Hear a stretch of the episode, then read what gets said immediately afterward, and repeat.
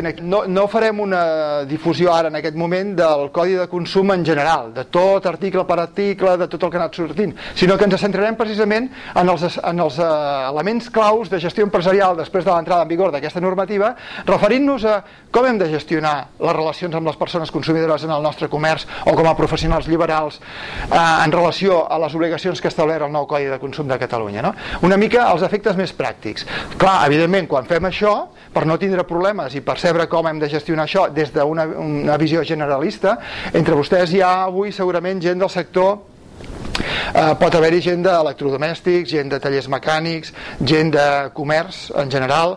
Uh, cada un té uns problemes concrets uh, del seu propi sector, però el Codi de Consum precisament el que fa és generalitzar les gestions amb les persones consumidores.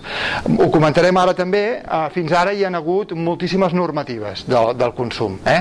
Eh, la normativa de tallers mecànics, dels serveis d'assistència tècnica, de les tintoreries... Eh, a partir d'ara, des de l'abril, eh, ja va sortir un decret de la Generalitat de Catalunya derogant algunes d'elles. I és molt previsible que el govern de la Generalitat vagi derogant les normatives aquestes espe específiques, deixant com a marc general de les relacions amb les persones consumidores el Codi de Consum de Catalunya. Per tant, el que explicarem ara eh, té una, una visió transversal i ens servirà ja per al, el nostre negoci sigui quin sigui el nostre àmbit d'actuació no? Uh, però dic això perquè és això l'objectiu d'avui és centrar-nos en aquests elements claus de gestió empresarial que diem i quins són bàsicament què, què és el que avui intentarem sortir d'aquí amb, amb les idees una mica clares de quina és la relació administració-empresa i, i elements uh, claus o delicats d'aquestes relacions eh? pues un bàsicament és l'atenció al client Aquí hi ha hagut una gran eh, revolució en aquest àmbit i us explicaré per què, en l'atenció al client, no una atenció comercial, sinó una atenció realment de dret del consum. Després, uns elements claus de seguretat, les noves normatives transformen en l'empresari, en el professional, en un garant de la seguretat dels serveis i dels productes i això té unes, uns efectes jurídics molt importants que ens poden portar problemes si no els gestionem bé. I finalment un d'informació, relació amb la persona consumidora que aquestes normatives estableixen que s'han de donar per no tindre problemes amb les persones consumidores. Cartells informatius de les garanties que donem, dels preus que exposem, eh? per fer-ho tot, doncs, eh, francament, més fàcil. En aquí és on veureu que de les altres sessions que hem fet, com la d'avui, sempre sorgeixen de, del públic eh, peticions expresses de, i això no podríem fer algun model oficial partint tindre-ho ja gestionat. Eh? Això eh, és important també entrar en contacte amb el sector empresarial per veure aquestes demandes i per eh, definir models que puguem utilitzar tots, perquè per una petita empresa dissenyar un model d'acord amb la normativa és un cost empresarial important. En canvi, doncs, per al sector empresarial, per a les associacions empresarials, per als gremis, això és una funció importantíssima, elaborar impresos models que puguin repartir en els seus associats i en els seus agremiats per fer les coses molt més fàcils. No? De fet, això del Codi de Consum ara eh, és com una excusa per l'administració pública també per revifar una mica tot aquest tema de les relacions amb les persones consumidores. Però això no és un fenomen, o que hagi passat ara del Codi de Consum, no és una cosa mm, nova. Uh, jo recordo, jo soc, uh, bueno, soc Xavier Sánchez, no m'he presentat, soc l'inspector municipal de consum de l'Ajuntament de Mataró i porto de 26 anys en el món del consum uh, aquí a Mataró i he tingut contacte amb, amb, amb els professionals i amb les empreses de la ciutat i he anat visquent els problemes que han anat patint a l'hora d'implementar les noves normatives. Recordo els tallers mecànics, per exemple, i això sempre ho dic no? eh, quan va sortir el primer decret de reparació de vehicles automòbils eh, anaves a, en el tallerista i, i li deies escolta mira, et sortia amb les mans plenes d'oli no? eh, de sota el cotxe que estava revisant el motor eh, vosaltres què voleu? No? doncs mira, ha sortit una nova, un nou decret que regula que a partir d'ara doncs, en el taller mecànic sempre que entri un vehicle doncs li hauràs de fer eh, un pressupost previ o t'haurà de renunciar en el pressupost i haurà d'haver-hi un resguard de dipòsit perquè aquest vehicle que entren aquí doncs t'hauran de dir els quilòmetres amb què entra, què és exactament el que vols que, que li fagin en el vehicle eh, tu li hauràs hagut d'informar dels preus, els hauràs de tindre penjats a darrere del teu taulell o del teu despatx, eh, on te posi que té doncs, aquests eh, preus a la seva disposició, que hi ha un tarifari de les peces, que, bé, totes aquestes coses. I et miraven amb una cara doncs, de dir, ostres, jo amb la feinada que, que tinc, estic sol, mira com surto, i, i ara m'estàs demanant tot això? Què penses que haig de posar un noi o una noia, deia, no? en el despatx, perquè em faci l'atenció d'aquestes, eh, de tots aquests temes? Clar, tu vas al concessionari, entres al vehicle, en el mecànic, ni el veus, no? Tu eh, estàs angoixat perquè el cotxe té un soroll i li vols explicar a algú, li has d'explicar al recepcionista, que ara ja està molt tecnificat, no? Però el recepcionista té el seu ordinador, tots els seus protocols d'actuació i allà surts ben bé amb un imprès per ordinador i tu signes, a vegades no saps què signes, però signes normalment una renúncia al pressupost i un resguard de dipòsit conforme l'autoritzes a fer la reparació i, i això ja està sistematitzat. Però en el tallerista petit això no era així. Doncs jo haig de dir ara que sortosament eh, sí, sempre hi ha gent que ho fa més bé i més malament però els tallers de barri, per dir-ho així, doncs compleixen perfectament la normativa de tallers mecànics i, i i et fan el resguard i ho tenen supercontrolat amb el seu ordinador i tenen els seus registres i ho tenen tot, tot ben posat vull dir que una cosa que als anys 80 i pico després en el 93 amb les modificacions del taller, de la normativa de tallers mecànics doncs semblava impossible de complir doncs es va complir, no? igual que amb les tintoreries també fan els seus resguards i tot això, encara que ara amb el codi de consum hi hagi un canvi tant el sector empresarial i comercial ja té, i els professionals tenen una experiència amb el que han anat fent. No? Amb el que veurem avui del Codi de Consum és ja tenim de tindre el xip posat de que totes aquestes normatives específiques aniran desapareixent i ens quedarem eh, com a marc referencial al codi de consum. I avui el que farem és, és parlar d'aquests tres elements claus, eh? seguretat, informació i serveis d'assistència al client, eh? d'atenció al consumidor, eh, per veure quins són els mínims que ens demana la normativa i què ens aporten de beneficis en la gestió de l'empresa, no? encara que sigui una empresa unipersonal. Volia dir una cosa eh, abans de continuar, i és de que eh, les persones que heu vingut avui aquí eh, heu fet un esforç per vindre i informar-vos d'aquest tema i per tant segurament eh, voleu sortir d'aquí doncs, amb, amb, amb alguna cosa que valgui la pena i que pensi jo he invertit dues hores avui en aquí doncs eh, hi ha valgut la pena. Jo us demano sobretot que em talleu en qualsevol moment. Jo no tinc una exposició preparada eh, acadèmica sinó que m'interessaria molt que tothom que tingui aportacions a fer, correccions a fer, eh, visions polèmiques eh, de la normativa, interrompeixi, dongui la seva opinió, la contrasti, perquè sempre s'aprèn molt més si hi ha un feedback entre les dues vies o entre totes les vies perquè eh, aquí hi ha companys de les administracions públiques també entre vosaltres que fan tasques com la que estem fent ara nosaltres aquí que atenen a les persones consumidores que tenen incidències que quan les comentem amb el sector empresarial el sector empresarial diu ostres, aquesta és una altra visió no? això no ho havia vist i des de les administracions públiques la visió empresarial també interessa molt per anar eh, adaptant tots els processos de treball jo deia l'altre dia a la ràdio quan fèiem la presentació de la jornada d'avui eh, a mi els companys del departament a vegades em diuen tu tens el síndrome d'Estocolm amb el sector empresarial perquè des de els que fan atenció a les oficines d'atenció al consumidor doncs reben sempre les demandes de les persones consumidores no? i hi ha un feedback amb la persona consumidora els que som inspectors rebem el feedback del sector empresarial i dels professionals perquè anem a aplicar a les normatives en el, en el territori i llavors te'n dones compte realment de, quines, de quins problemes té l'empresari en relació a allò i de, de quines són les seves visions i quins són les coses que no acaben de lligar no? eh, en aquí doncs reps molta, molta informació a veure, també hi ha gent en aquí segurament que el primer contacte amb això del codi de consum no serà ben bé què és, no? i ara estic dient una sèrie de coses que potser s'aniran configurant. Primer us despistaré una mica amb tot això del codi de consum, perquè després anem recuperant i veiem que les coses eh, s'aclareixen i, i, i són molt senzilles de, de complir i tenen els seus avantatges a l'hora de tirar endavant aquesta normativa. No? Dic que us liaré una mica perquè la, la idea inicial del codi de consum és que el codi de consum ha de facilitar-ho tot. Ha de facilitar-ho tot perquè aquí, a Espanya, tenim un sistema jurídic bastant complicat. Eh, tenim la normativa espanyola que regula les seves lleis. Tenim la normativa autonòmica perquè tenim competència exclusiva en temes de, de consum però després també tenim la normativa europea que ens marca molt eh, en la normativa nacional com han de ser les coses eh, des de que som de la Unió Europea. I el Codi de Consum el que venia a fer és dir agafem tot això, tota aquesta amalgama de, de normatives i les concentrem en un sol text jurídic que sigui molt més fàcil de consultar. I això seria el que seria eh, treballar per al principi de seguretat jurídica. El sector empresarial i els professionals han de tindre un lloc on poder veure com s'han de fer les coses i, i, i amb això doncs, tenim seguretat jurídica en les nostres actuacions. Però en realitat dir que el codi de consum ens soluciona això tampoc és així, no?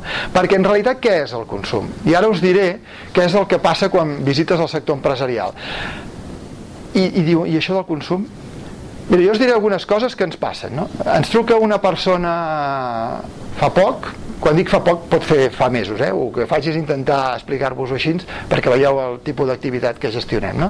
i ens diu, mira, m'ha vingut una persona eh, és, és un, un professional que, que restaura, forra sofàs, eh, un tapisser, un tapisser.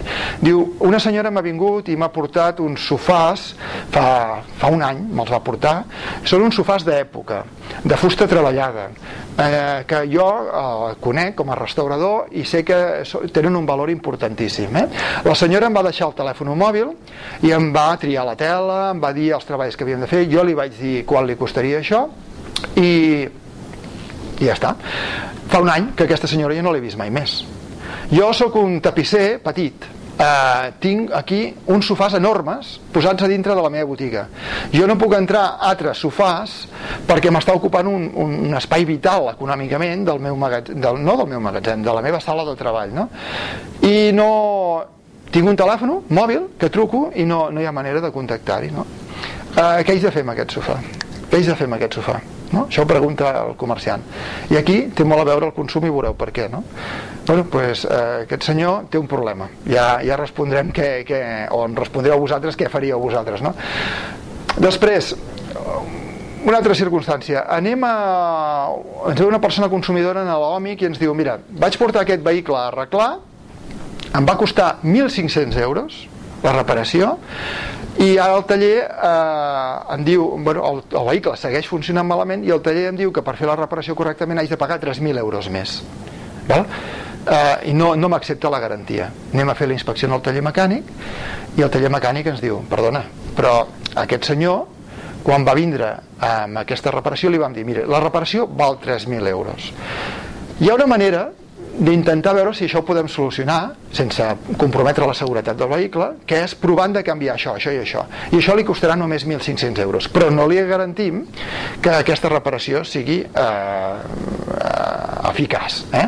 si vostè vol fer això nosaltres li reparem i li posem 1.500 euros i ja està. El client diu que sí, repara el vehicle per 1.500 euros, se'n va i al cap d'uns mesos, dos mesos, doncs eh, no, no li funciona el vehicle i llavors reclama una garantia d'aquella reparació.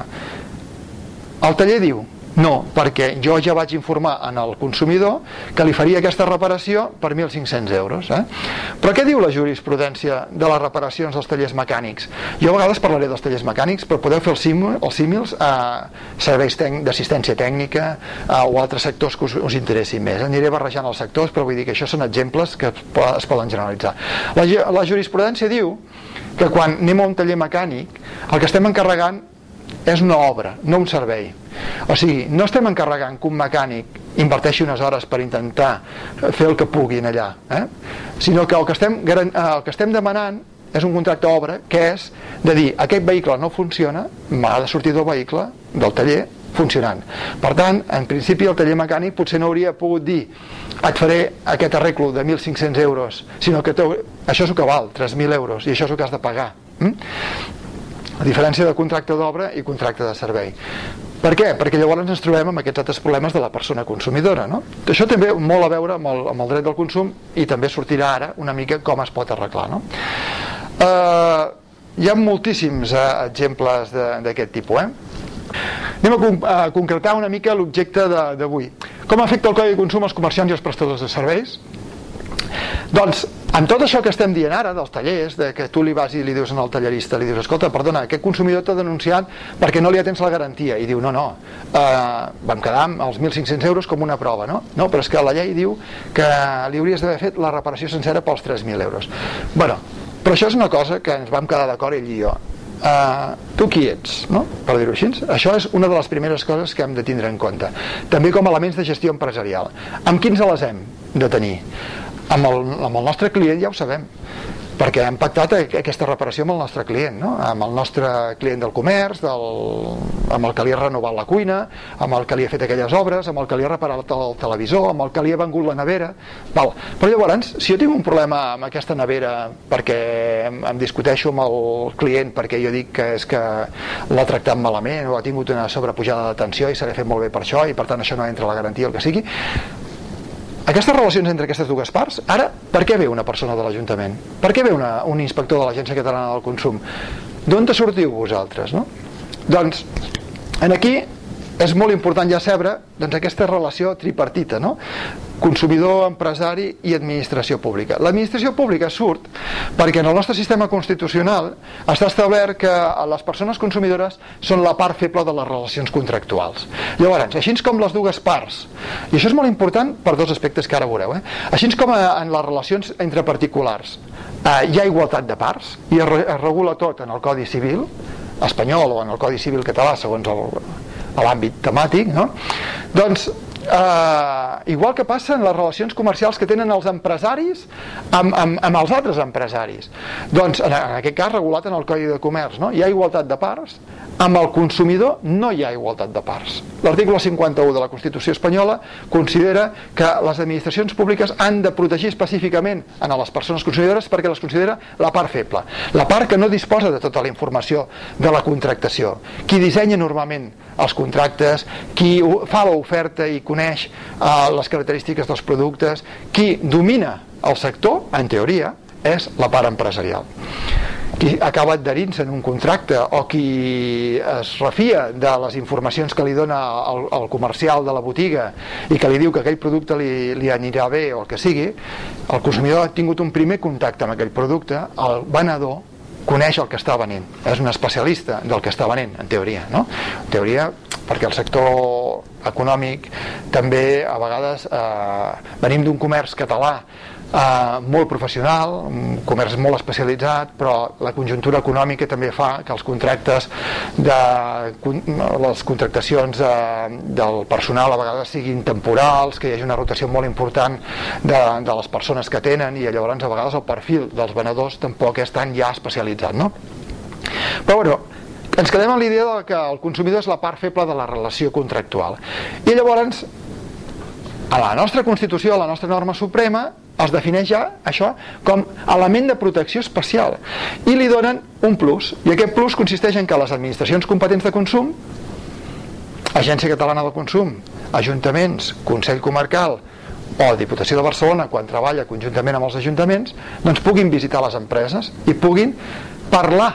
Vostè li va fer una reparació de 1.500 euros i li hagués hagut de fer de 3.000 euros però li hagués hagut de solucionar el problema inicialment. Així no ens havíem de veure al jutjat amb aquesta persona, si no hi estàvem d'acord havíem de...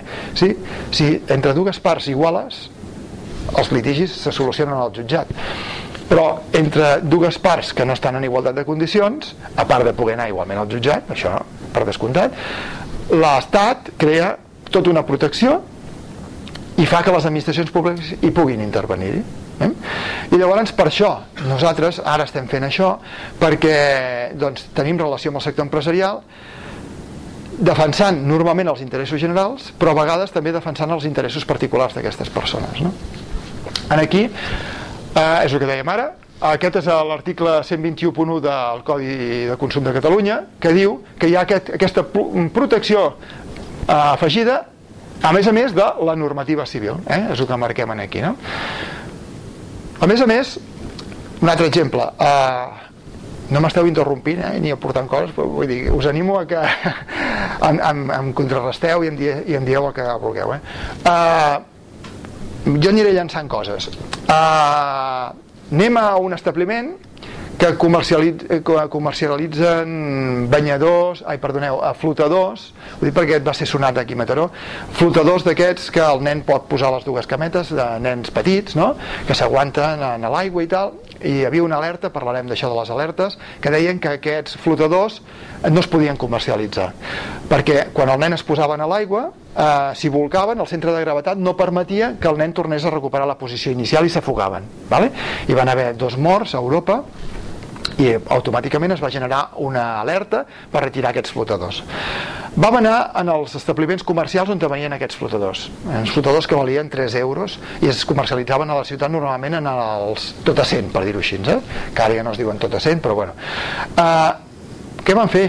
ho vam decomissar tot i ho vam destruir tot i vam dir, bueno, escolta'm, a l'empresari eh, porta les factures de procedència tu podràs reclamar en el teu proveïdor que aquests productes te'ls retornin els diners i... no, no, no, hem fet un tipus de contracte comercial entre dos empresaris que compro a, a pes, per dir-ho així i em quedo amb els productes fins i tot encara que n'hi hagin alguns que estiguin deteriorats no?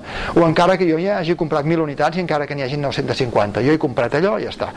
Això renunciar a una garantia o, o renunciar a certs drets que tenim eh, entre comerciants i entre empresaris es pot fer, perquè ho regula així el Codi de Comerç. En canvi, en el Codi de Consum diu que els drets del consumidor són irrenunciables. Mai podrem renunciar nosaltres a una garantia. Eh? Llavors, què va passar aquí? Que si ens fixem en les regulacions del Codi de Comerç, el comerciant, el detallista de Mataró, que va perdre 1.000 unitats, 3.000 euros de flotadors, destruïts i a més a més pagant ell les despeses de portar tot aquest material a, a, a un gestor de residus, l'eliminació d'aquest residu, tot això són costes empresarials que ha d'assumir el detallista, que després hauria de poder repercutir en el seu distribuïdor, en l'importador, qui sigui. Hi ha una manera de fer tot això, no? Però eh, són despeses, de moment, eh, si no ho tens ben lligat, del, del detallista. Bueno, doncs tot això eh, s'ha de tenir molt en compte. Si jo, moltes vegades em ve, venen persones a l'oficina de consum i diuen he comprat un cotxe de segona mà i l'he comprat en aquest senyor i ara resulta que el cotxe no m'ha durat més de 10 dies. Si compren dues persones particulars, estem Codi Civil i per tant no hi ha garanties. Hi ha vicis ocults, sis mesos, però eh, és, és, una, és una cosa diferent. En canvi, entre consumidors, ara, vendre un cotxe de segona mà requereix un any de garantia mínim eh?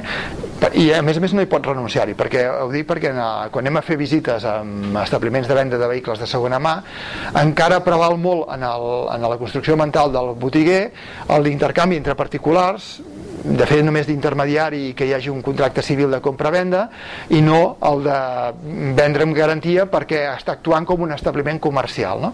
Tots aquests matisos són molt importants per distingir el que és Codi Civil, eh, Codi de Comerç i Codi de Consum de Catalunya. No? Que, per... Val, doncs neix aquesta protecció especial, a vegades no és ben entesa, de les administracions públiques, passa Carles, que suposa no només una tutela especial per part dels poders públics, o sigui, això de que puguin vindre les persones consumidores a l'oficina del Consell Comarcal, a l'oficina de Mataró o a la qualsevol oficina d'informació consumidor de, de, en aquest cas del Maresme, no? dels ajuntaments del Maresme o en les oficines eh, d'informació provincials del consumidor de la Diputació de Barcelona que es desplaça amb uns vehicles doncs, en els municipis petits perquè els consumidors i els ciutadans d'aquells municipis doncs, puguin fer la reclamació en aquest en aquest municipi, no? tinguin l'oportunitat sense haver-se de desplaçar. Doncs, a part d'aquesta tutela, d'aquest treball dels inspectors de consum que fan els poders públics, les pròpies lleis les pròpies lleis ja estan dissenyades per protegir especialment a les persones consumidores, no? i això ho han de tindre en compte. Per exemple, això que dèiem, en les lleis, el Codi de Consum diu que els drets dels, de les persones consumidores són irrenunciables. Eh, en, en els vehicles de segona mà passa moltíssim. El, a vegades mires les clàusules i posa eh, coneguda les condicions en què es troba el vehicle el consumidor renuncia a qualsevol tipus de garantia. No, això és una clàusula nula de ple dret eh? no es pot posar. I el que ho fa, a vegades, ho fa per desconeixement perquè pensa en clau Codi Civil o Codi de Comerç. Però el Codi de Consum diu que això és totalment irrenunciable no? passa, passa uh, una altra cosa, i és que a vegades eh, vosaltres sabeu, no? Si, si una empresa publicitària diu d'un producte una sèrie de propietats, i això passa molt a les grans superfícies, si no es té cura en l'hora de... Imagineu-vos una, una gran superfície d'electrodomèstics, eh? que fa un canvi, una rotació importantíssim de producte. Si en el prestatge de, del supermercat o de la gran superfície hi deixen allà posat ordinador Pentium 5 eh, megas, tants i no sé què, i allò no ho canvien, no gestionen bé i posen un altre ordinador de característiques inferiors. I el, el ciutadà, el consumidor van allà i compra aquell producte pensant i llegint aquella informació contractual, arriba a casa i obre el prospecte de dintre, no? prospecte, les instruccions de dintre i diu uh, no, no, aquí posa que té un giga de RAM, m'estic inventant, i en allà el prestatge posava 4 gigas de RAM. No? Doncs uh, la informació, la publicitat, el que ha explicat el venedor en aquella persona és contractual encara que ni en la factura ni, a, ni en la informació pròpia de tècnica de, de les fitxes d'aquell producte ho digui. Vull dir que s'ha d'anar molt al tanto això passa molt també en els canvis de preus. Oferta, 6 euros. Eh, no sé, és igual, eh, un pot de galetes, 6 euros, i no han canviat, i està marcat després a 8, quan passes per caixa, és una, ja posava 6 euros, no? I t'han de cobrar 6 euros, val? si no seria una infracció això també, no? Tot això fa que el, la persona consumidora tingui poca feina d'haver de demostrar les coses perquè la llei ja tot ho interpreta a favor d'ell no? aquí està ben clar s'ha d'interpretar les normatives a favor d'ell en cas de dubte, com la interpretació en el cas dels contractes eh? aquí veieu que va posar en colla de consum i TRLGDCU, que vol dir text refós de la Llei General de Defensa dels Consumidors i Usuaris hem començat dient també que el codi de consum havia de simplificar tot i posar-ho en un sol lloc perquè els empresaris ho tinguéssim clar a l'hora de complir la normativa. Però han dit que Espanya era un sistema complicat perquè teníem normativa espanyola, normativa catalana perquè teníem competència exclusiva i a vegades ens volava també la normativa europea. Però és que no només tenim una distribució de competències complicada entre autonomies i estat central, sinó que a més a més tenim una competència de, eh, de competències, perquè l'Estat es reserva es reserva tot el que és la normativa eh, civil i mercantil. Llavors, en el Codi de Consum surten moltes coses de garanties, per exemple, o de drets de desistiment, que és una relació contractual. Però això en fa referència, però no ens podem quedar en el Codi de Consum, sinó que hem d'anar en el seu equivalent a nivell estatal, que és el text reforç de la Llei General de Defensa dels Consumidors i Usuaris. Perquè en allà, encara que no sigui aplicable a Catalunya, perquè tenim competències, alguns aspectes sí que són aplicables, que són els que regulen la normativa civil. Eh? Per exemple, tot el que és garanties, la base està en la normativa eh, estatal. Eh? I en el Codi de Consum de Catalunya matitza algunes coses per les competències que té a Catalunya, però eh, el, el nucli dur està en la llei estatal. Eh? Llavors, en aquí regula eh, el tema contractual, que és dret civil, i ens diu en aquesta clàusula els contractes dels consumidors s'integraran en benefici del consumidor. Davant de dubtes s'han d'interpretar a favor del consumidor. I aquí el que deien és l'encàrrec que fa el Codi de Consum en els poders públics de perseguir les infraccions, sancionar-les, intervindre en els casos entre empresaris i particulars. Per tant, i com a forma de resum, quan hi ha igualtat de parts, els litigis entre particulars i entre empresaris, l'única via que tenen és la via civil eh, i mercantil, que és una especialitat de la civil. I això moltes vegades el sector empresarial, els professionals, el petit, a la petita i mitjana empresa ens diu els consumidors tenen unes oficines on eh, gratuïtament van, es queixen i després veniu vosaltres i ens dieu a nosaltres com hem de fer les coses. No hi ha possibilitat de que el, els empresaris tinguin una oficina municipal d'informació a l'empresari on l'empresari pugui anar i, i, i que ens fagin alguna cosa, per exemple, quan no ens paguen o per exemple quan ens facilitin aquest tipus d'impresos o, o que ens ajudin una mica no?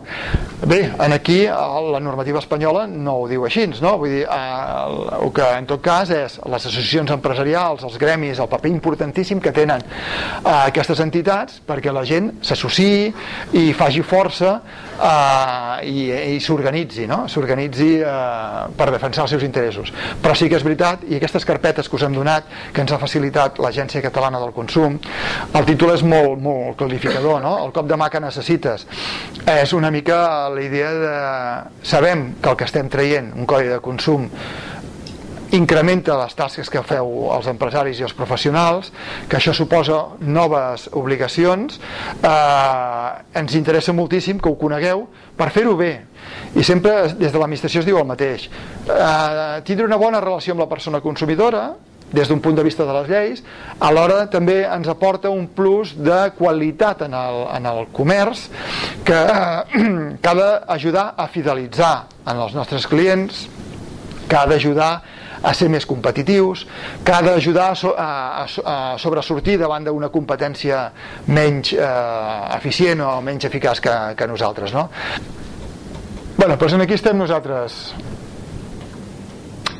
a les, a les administracions competents per interactuar amb el, amb el sector empresarial per aquesta relació més feble. Vale, llavors, què fan aquests serveis públics? Eh? I això també és molt important perquè quan rebeu una carta al sector empresarial d'una oficina municipal d'informació consumidor, del Consell Comarcal, de l'Ajuntament, de la Diputació, el que sigui, dient-vos que en les seves oficines s'han presentat unes reclamacions, què vol dir això d'una reclamació? I què he de fer jo en relació a aquesta administració que m'envia una carta? I què he de fer jo en relació al consumidor? I què Quin problemes, quins problemes em portarà això? Què fan els serveis públics de consum? Informen a les persones, als ciutadans. En principi, aquesta és la seva feina bàsica. Eh?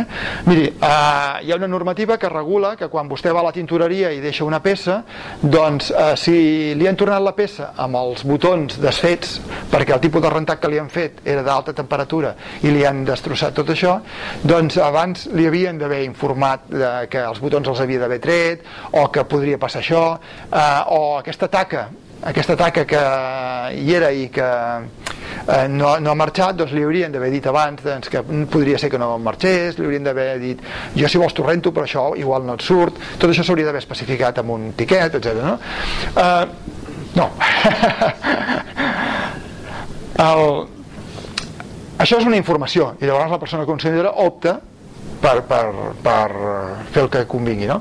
però també fan mediacions fan arbitratges, fan inspeccions i tramiten expedients sancionadors llavors, les mediacions és les mediacions i els arbitratges és una mica un sistema que ja fa molt de temps que les administracions estan intentant eh, que tinguin molt d'èxit per desaturar ja des de l'inici, eh, això de les lleis de consum, el sistema judicial. En principi el sistema judicial, que és el natural per mm, solucionar els conflictes, eh, allò que dèiem, eh, com a empresaris i com a particulars hem d'anar sempre a la via judicial, només en la tutela especial aquesta podem anar a les oficines d'informació al consumidor, doncs eh, les mediacions i els arbitratges són el que se'n diuen sistemes extrajudicials de resolució de conflictes. I han de permetre, de forma gratuïta, arribar a un acord eh, amb l'empresa, eh, entre consumidor i empresa, per, eh, per no haver d'anar al jutjat i perquè suposi un procediment gratuït, invertir poc temps en això i que les coses s'arreglin bé. No?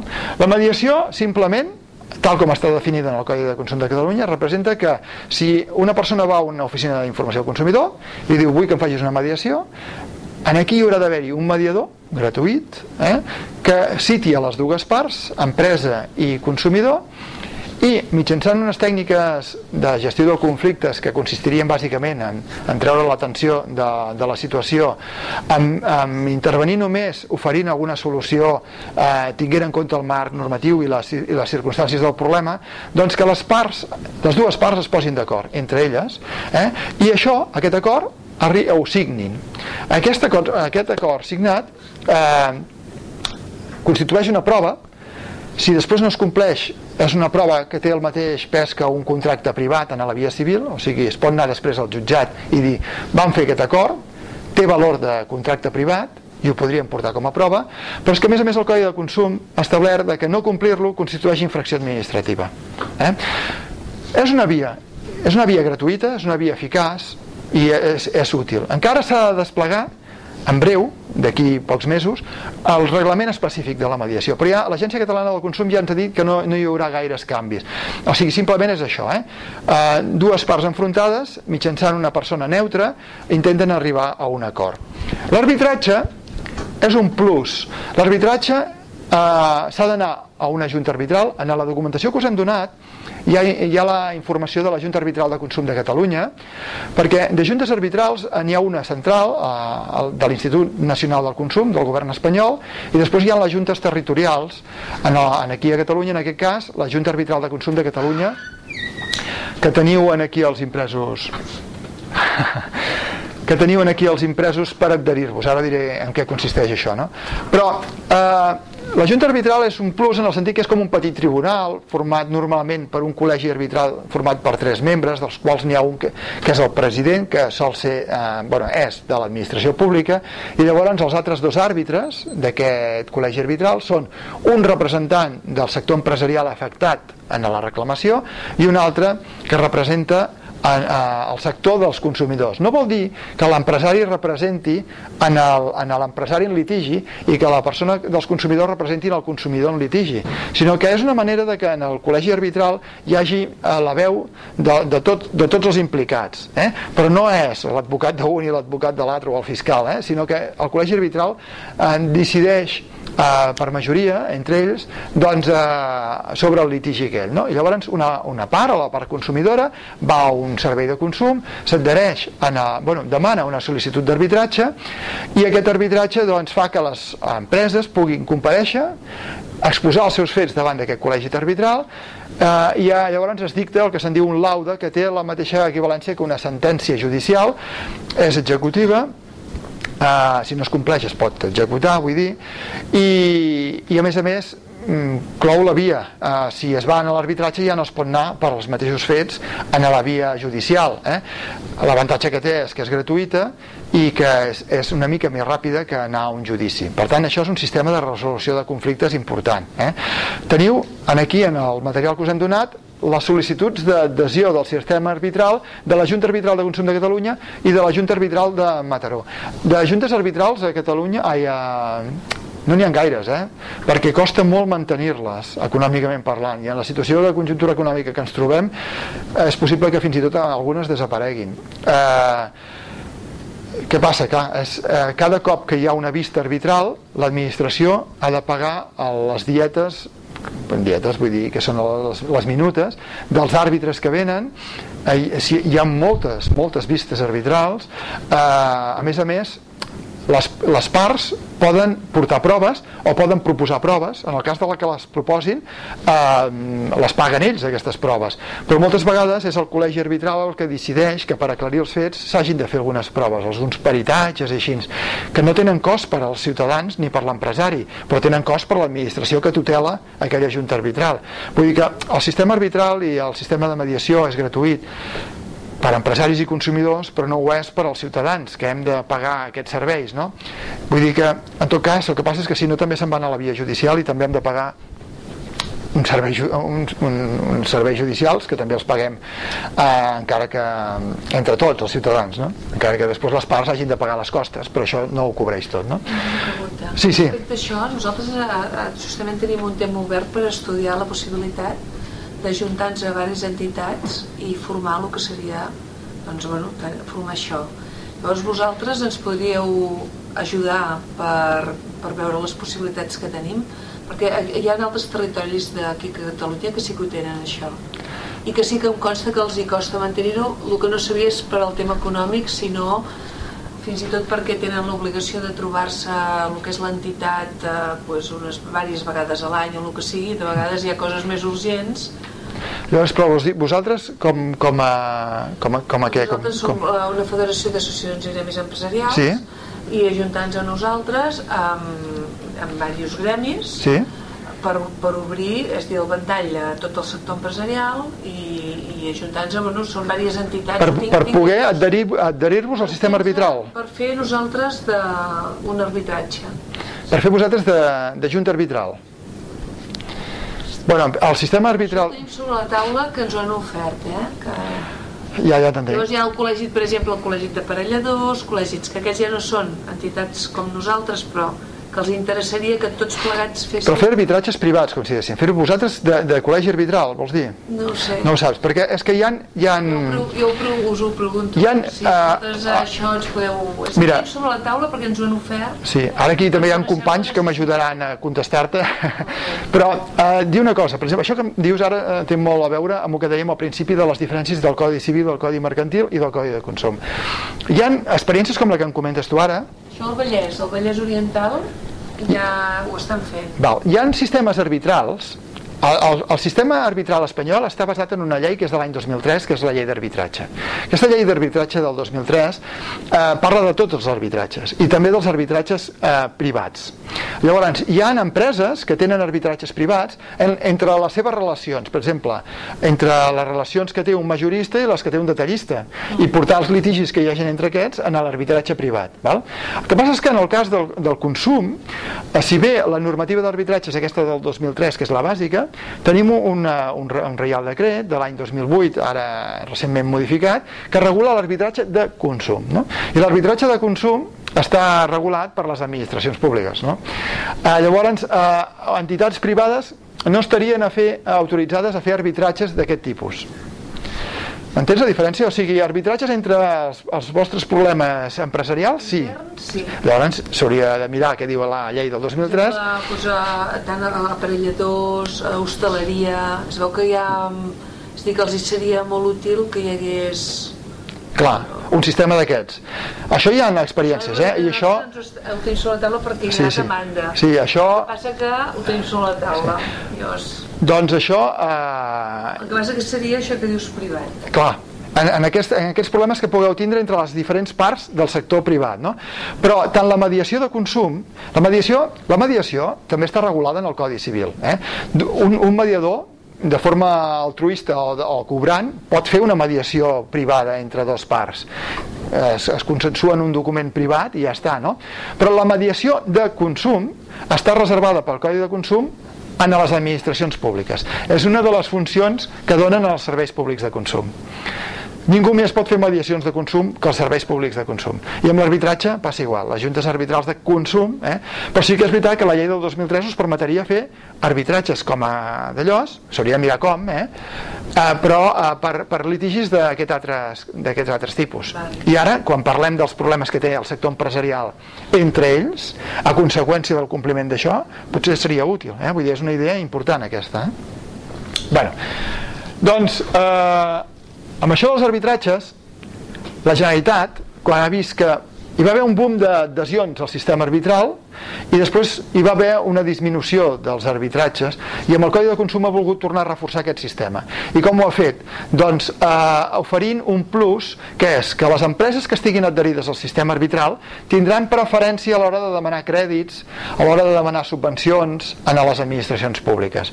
O sigui, ara ho han, ho han posat com un element distintiu, no només de qualitat en, en relació al consumidor, sinó de, eh, de a l'hora de tindre preferència en l'accés a ajuts en les administracions públiques. Eh?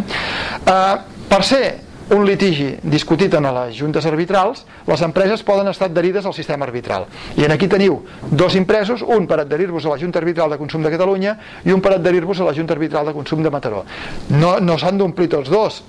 La- L'adhesió al sistema arbitral pot ser general, eh? vull dir, jo em puc adherir només a la de Mataró perquè el meu àmbit d'actuació només és de Mataró i especificar que només m'adhereixo pels litigis de Mataró o em puc adherir al sistema arbitral en general amb la qual cosa la Junta Arbitral de Consum més pròpia, més propera en el domicili del consumidor serà la competent per, per discernir sobre el litigi aquest, eh? vull dir, pot haver Què una... ens recomaneu?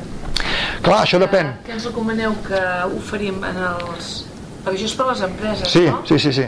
Jo us dic una cosa. Avui no parlem dels drets de les persones consumidores. Parlem dels empresaris, dels drets dels empresaris en relació als drets de les persones consumidores. Per tant, us hauria de dir que si la vostra activitat es limita a un àmbit geogràfic concret, especifiquéssiu concretament que només us adheriu en aquell àmbit geogràfic. Per fer potenciar el, el sistema arbitral de consum us hauria de dir adherir-vos al sistema arbitral, però per ser sincer us diria que miréssiu bé això perquè d'aquesta manera imagineu que, que esteu a, no sé, a Premià o a Malgrat i teniu algú a l'estiu que és de Granada. I llavors eh, teniu un litigi. I llavors presenta a Granada a la Junta Arbitral de Consum de Granada la reclamació contra l'establiment que és de Malgrat el domicili del consumidor és de Granada eh? sí que hi haurà la possibilitat de comunicar-te amb la Junta via correu o segurament, per exemple, la- s'han començat a celebrar vistes arbitrals eh, en el Consell Comarcal eh, aquí a Mataró i em sembla que s'han fet de forma telemàtica. No sé si hi ha algú del Consell Comarcal avui aquí, no? Val, però vull dir que també s'està potenciant l'arbitratge electrònic perquè ni el consumidor ni l'empresari ni es, es pugui fer de forma virtual tot això a la llarga serà així no? I llavors serà indiferent d'on t'estiguis on t'estigui ubicat no? però de moment sí que hem de vigilar això hem de vigilar per tant si, eh, si ens adheríssim com a empresa en el sistema arbitral vol dir que ens estem adherint a tots els, els, els litigis que puguin sortir en allò i ens hi estem eh, obrint en aquest sistema ja, si no si no estem adherits al sistema arbitral i algun consumidor diu que es vol sotmetre en el sistema arbitral, el Departament Públic de Consum li diran a l'empresa vols fer, eh, per aquest cas concret, un arbitratge? I pot fer-ho només per aquest cas concret. Eh? O també pot ser que unilateralment la, l'empresari o al professional digui jo em sotmeto en el sistema arbitral en el, en el contracte no hi ha a l'oferta general no? llavors eh, el que no pot fer llavors és posar una submissió de la persona a qualsevol a tribunal arbitral sinó que eh, ha de ser el del consumidor i tal, no? No, no hi poden haver clàusules abusives però que també es pot fer per aquesta altra via per la via contractual, per la via d'adhesió amb un conveni arbitral o per un litigi en concret no? el sistema arbitral en principi dona qualitat, és aquell adhesiu que posem a la porta de l'establiment o, en els, en, o en els impresos del, del nostre servei tècnic quan anem a fer reparacions o el que sigui, o en el distintiu de la nostra pàgina web i el consumidor sap que en aquell establiment estan disposats a que si hi ha un litigi ho vegi una vista arbitral. Representa que dona representa, però jo m'ho crec, eh, que sí, que és així, vull dir, representa que estem oferint un plus de, de qualitat eh, per la part eh, consumidora que li dona certa seguretat eh? Val. i llavors aquí té un incís has de clicar per vincle aquest de l'Agència Catalana del Consum ho costa... Sí recomanar-vos molt eh, aquesta pàgina web perquè està molt, molt, molt bé la pàgina de l'Agència Catalana del Consum que és un espai destinat a les empreses. Eh? Els que estem a l'administració pública i que estem aquí ho coneixem bé, però eh, pel sector empresarial a vegades un millor no, i és, és un recurs importantíssim i no es coneix bé. Eh? eh aquesta pàgina web ens permet moltes coses.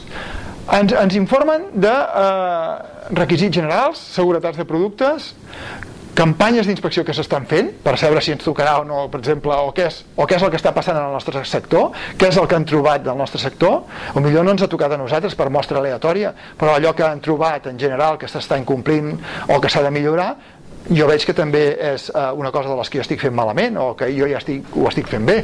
A vegades per anar fent aquest seguiment és important. Recomanacions, per exemple, aquí el que us deia, els vals de compra van crear aquesta, aquesta llegenda urbana que dic jo, de que m'ho han de canviar tot encara que no m'agradi, quan arribi a casa m'ho provo ja no m'agrada i eh, vaig i que m'ho canvin. Doncs eh, van fer aquí unes recomanacions per als establiments comercials de com atendre aquestes, aquestes reclamacions no? els fulls oficials de reclamacions. Teniu uns exemplars aquí eh, també de fulls oficials de reclamacions perquè veieu, però si en l'establiment no en tinguéssiu es poden demanar directament aquí, via online Uh, teniu també el model de el cartell de, de drets del consumidor. Això, tot això que us estic dient és això d'aquí o sigui, això són els fulls oficials de reclamació i denúncia que és importantíssim que estiguin a tots els establiments, que les empreses prestadores de servei els portin a sobre quan visiten el domicili, eh, els tallers mecànics, i aquest és el cartell oficial que ha d'estar penjat a tots els establiments anunciant que es tenen aquestes eh, fulles oficials de, de reclamació. Doncs això es pot demanar directament via via aquesta web eh? i el més important potser de tot és aquest apartat d'aquí que són consultes jurídiques.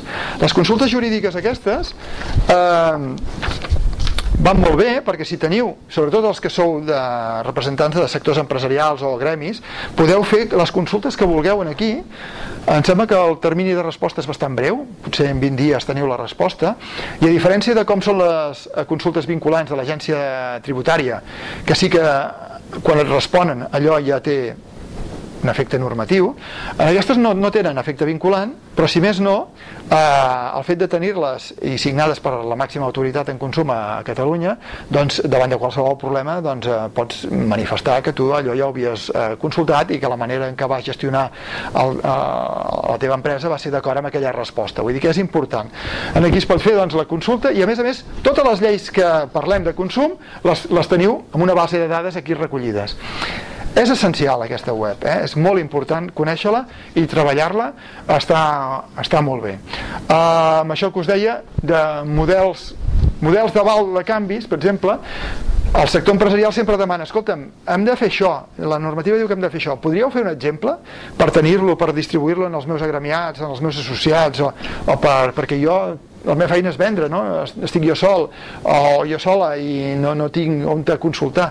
Aquí a vegades van apareixent models, no? val de compra, per exemple, això que dèiem del dret de desistiment. Què passa? Eh, pels, pels que molts dels que estem aquí ja ho coneixem, no? jo ho torno a llançar a l'aire. El dret de desistiment és un, és un un, un dret que s'otorga a les persones consumidores de que poden tornar el producte sense haver delegar, eh, sense haver delegar res no?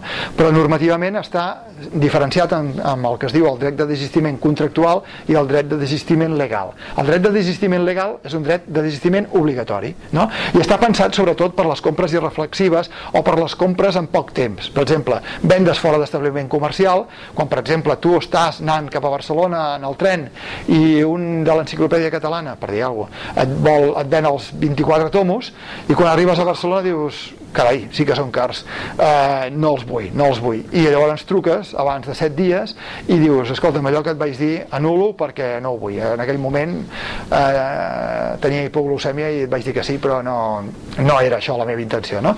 O, per exemple, quan compres per internet, que estàs fora de l'establiment, et reps, la imatge que hi havia a la pàgina web era meravellosa i quan arribes a casa allò no té la consistència metàl·lica que tenia, sinó que és d'un plàstic que no acaba de... Eh? brillava igual en la foto, però no era. Això no ho vull. Tinc set dies per tornar-ho. Això és un dret de desistiment legal. Però el, el dret de desistiment contractual Uh, això ho he explicat moltes vegades, però a mi em va fer molta gràcia quan, quan ens ho van explicar en un curs uh, a l'Agència Catalana del Consum, un professor de publicitat de la Universitat de Barcelona, ens deia que els psicòlegs havien descobert eh, i això ara surt en molts, en molts manuals de comportament del consumidor, no? que eh, la, la, la compra d'un producte per una persona per una persona és un fet traumàtic a nivell psicològic eh? jo sempre dic el mateix, dic, hi ha molta gent que quan està deprimida eh, va a comprar i, i encara se sent, se sent millor, no? Això és un efecte terapèutic. Però en realitat una compra d'un producte provoca un efecte traumàtic en el comportament del consumidor. I això els estudiosos de la psicologia i del màrqueting ho coneixen bé i va ser uns grans magatzems espanyols, no cal que digui el nom, que fa més de 25 anys van ser els primers en llançar el si no t'agrada tornem els diners i això que fa 25 anys van fer uns grans, grans magatzems comercials ho van fer per això, perquè van dir aquesta tensió de la compra, jo tinc uns diners i, i vull aquell producte però jo em desfaig d'uns diners com més diners, més tensió em creen i, i jo tinc aquell producte però sempre queda el dubte de si he comprat bé o no he comprat bé val? doncs això, això psicològicament està molt estudiat en el màrqueting no? doncs fem una cosa Uh, diem, si no t'agrada jo torno els diners sense haver de delegar res eh? aquest de, dret de desistiment contractual que ofereix l'empresa matitza una mica a, a, a aquesta tensió psicològica. I a partir d'aquí això ho van fer-ho moltes. Ara la, la gran majoria de franquícies i de cadenes del, dels grups Zara, Benetton tota, tota aquesta gent et donen aquesta possibilitat de tornar a la roba si no t'ha agradat i tal. Però això és una oferta de l'empresa. Si aquesta empresa ho ofereix i ho posa en un cartell aquí acceptem canvi canvis abans de 7 dies o abans de 15 dies i el necessitaré amb aquestes condicions, en base original, etc etc. és una cosa que ofereix l'empresa i el consumidor conscient de que aquesta empresa ofereix això i una altra no, opta per una empresa o opta per una altra. És un plus empresarial, no? Però eh, està fet per això. Igual que les grans marques tenen molta cura en els serveis postvenda. Tu compres una càmera fotogràfica, compres una impressora i busques, mm, hi ha gent que compra la primera que troba, no? però vull dir que a la persona que busca les característiques, etc etc. I quan ja l'ha comprada, arriba a casa i en el catàleg de la setmana següent ha baixat de preu, n'ha sortit una amb mil característiques millors. Això, aquesta tensió que hem dit abans psicològica, les grans empreses ho, ho, ho combaten a través d'informació postvenda, de dir aquell producte que nosaltres eh, tenim al mercat són els millors eh, segueixen reforçant fins i tot productes antics. I és una mica per trencar aquesta, aquesta barrera psicològica eh, de les compres Bueno, doncs això del dret de desistiment és això. O sigui, n'hi ha uns de voluntaris i uns altres de legals. Ah, els que són voluntaris, des del moment que s'anuncien, passen a ser obligatoris, no? amb les condicions que s'han anunciat. Però eh, aquí van fer un tipus de model de val de compra que, que establia doncs, el termini de caducitat d'aquest val de compra, si tornàvem els diners o, o canviàvem directament el producte, perquè la gent diu, és que no em tornen els diners, només em donen un altre vale. Bueno, això depèn de l'oferta que s'ha fet. No? Bueno, en general, en aquesta pàgina web s'hi pot treballar moltíssim. Si ara, ara sí, podem tancar. I anar en el, aquí, sí? En aquesta altra pàgina web dels companys de la Diputació de Barcelona, si pots tirar una mica més avall, aquí veureu totes les activitats que fa el Servei de Polítiques de Consum de la Diputació de Barcelona, una mica més, val, aquí, activitats informatives a empresaris i empresàries, i veieu que fan a aquest, a aquestes xerrades i suposo que altres, no? les que se'ls demanin. No? Però vull dir, també van per tots els municipis de la província de Barcelona i organitzen sessions com les que estem fent aquí ara, també suposo que a petició de, dels, dels sectors empresarials de les zones eh, corresponents, per, per doncs, una mica per donar a conèixer eh, les lleis i per, per ajudar a complir la normativa. Perquè les administracions públiques el que més ens preocupa és haver d'arribar a posar la sanció, eh? perquè la sanció eh, és, eh, és l'últim recurs i més a una època en què a les empreses els hi costa tant i tant tirar endavant i que cada cop n'hi ha menys no? eh, però clar les persones consumidores han d'estar protegides i les relacions de consum s'han de defensar eh? però moltes vegades si com a empresaris i com a professionals i com a comerciants sabem les normatives podem gestionar-ho tot molt millor sense arribar a aquest eh, ja està aquests extrems de les sancions de l'establiment no?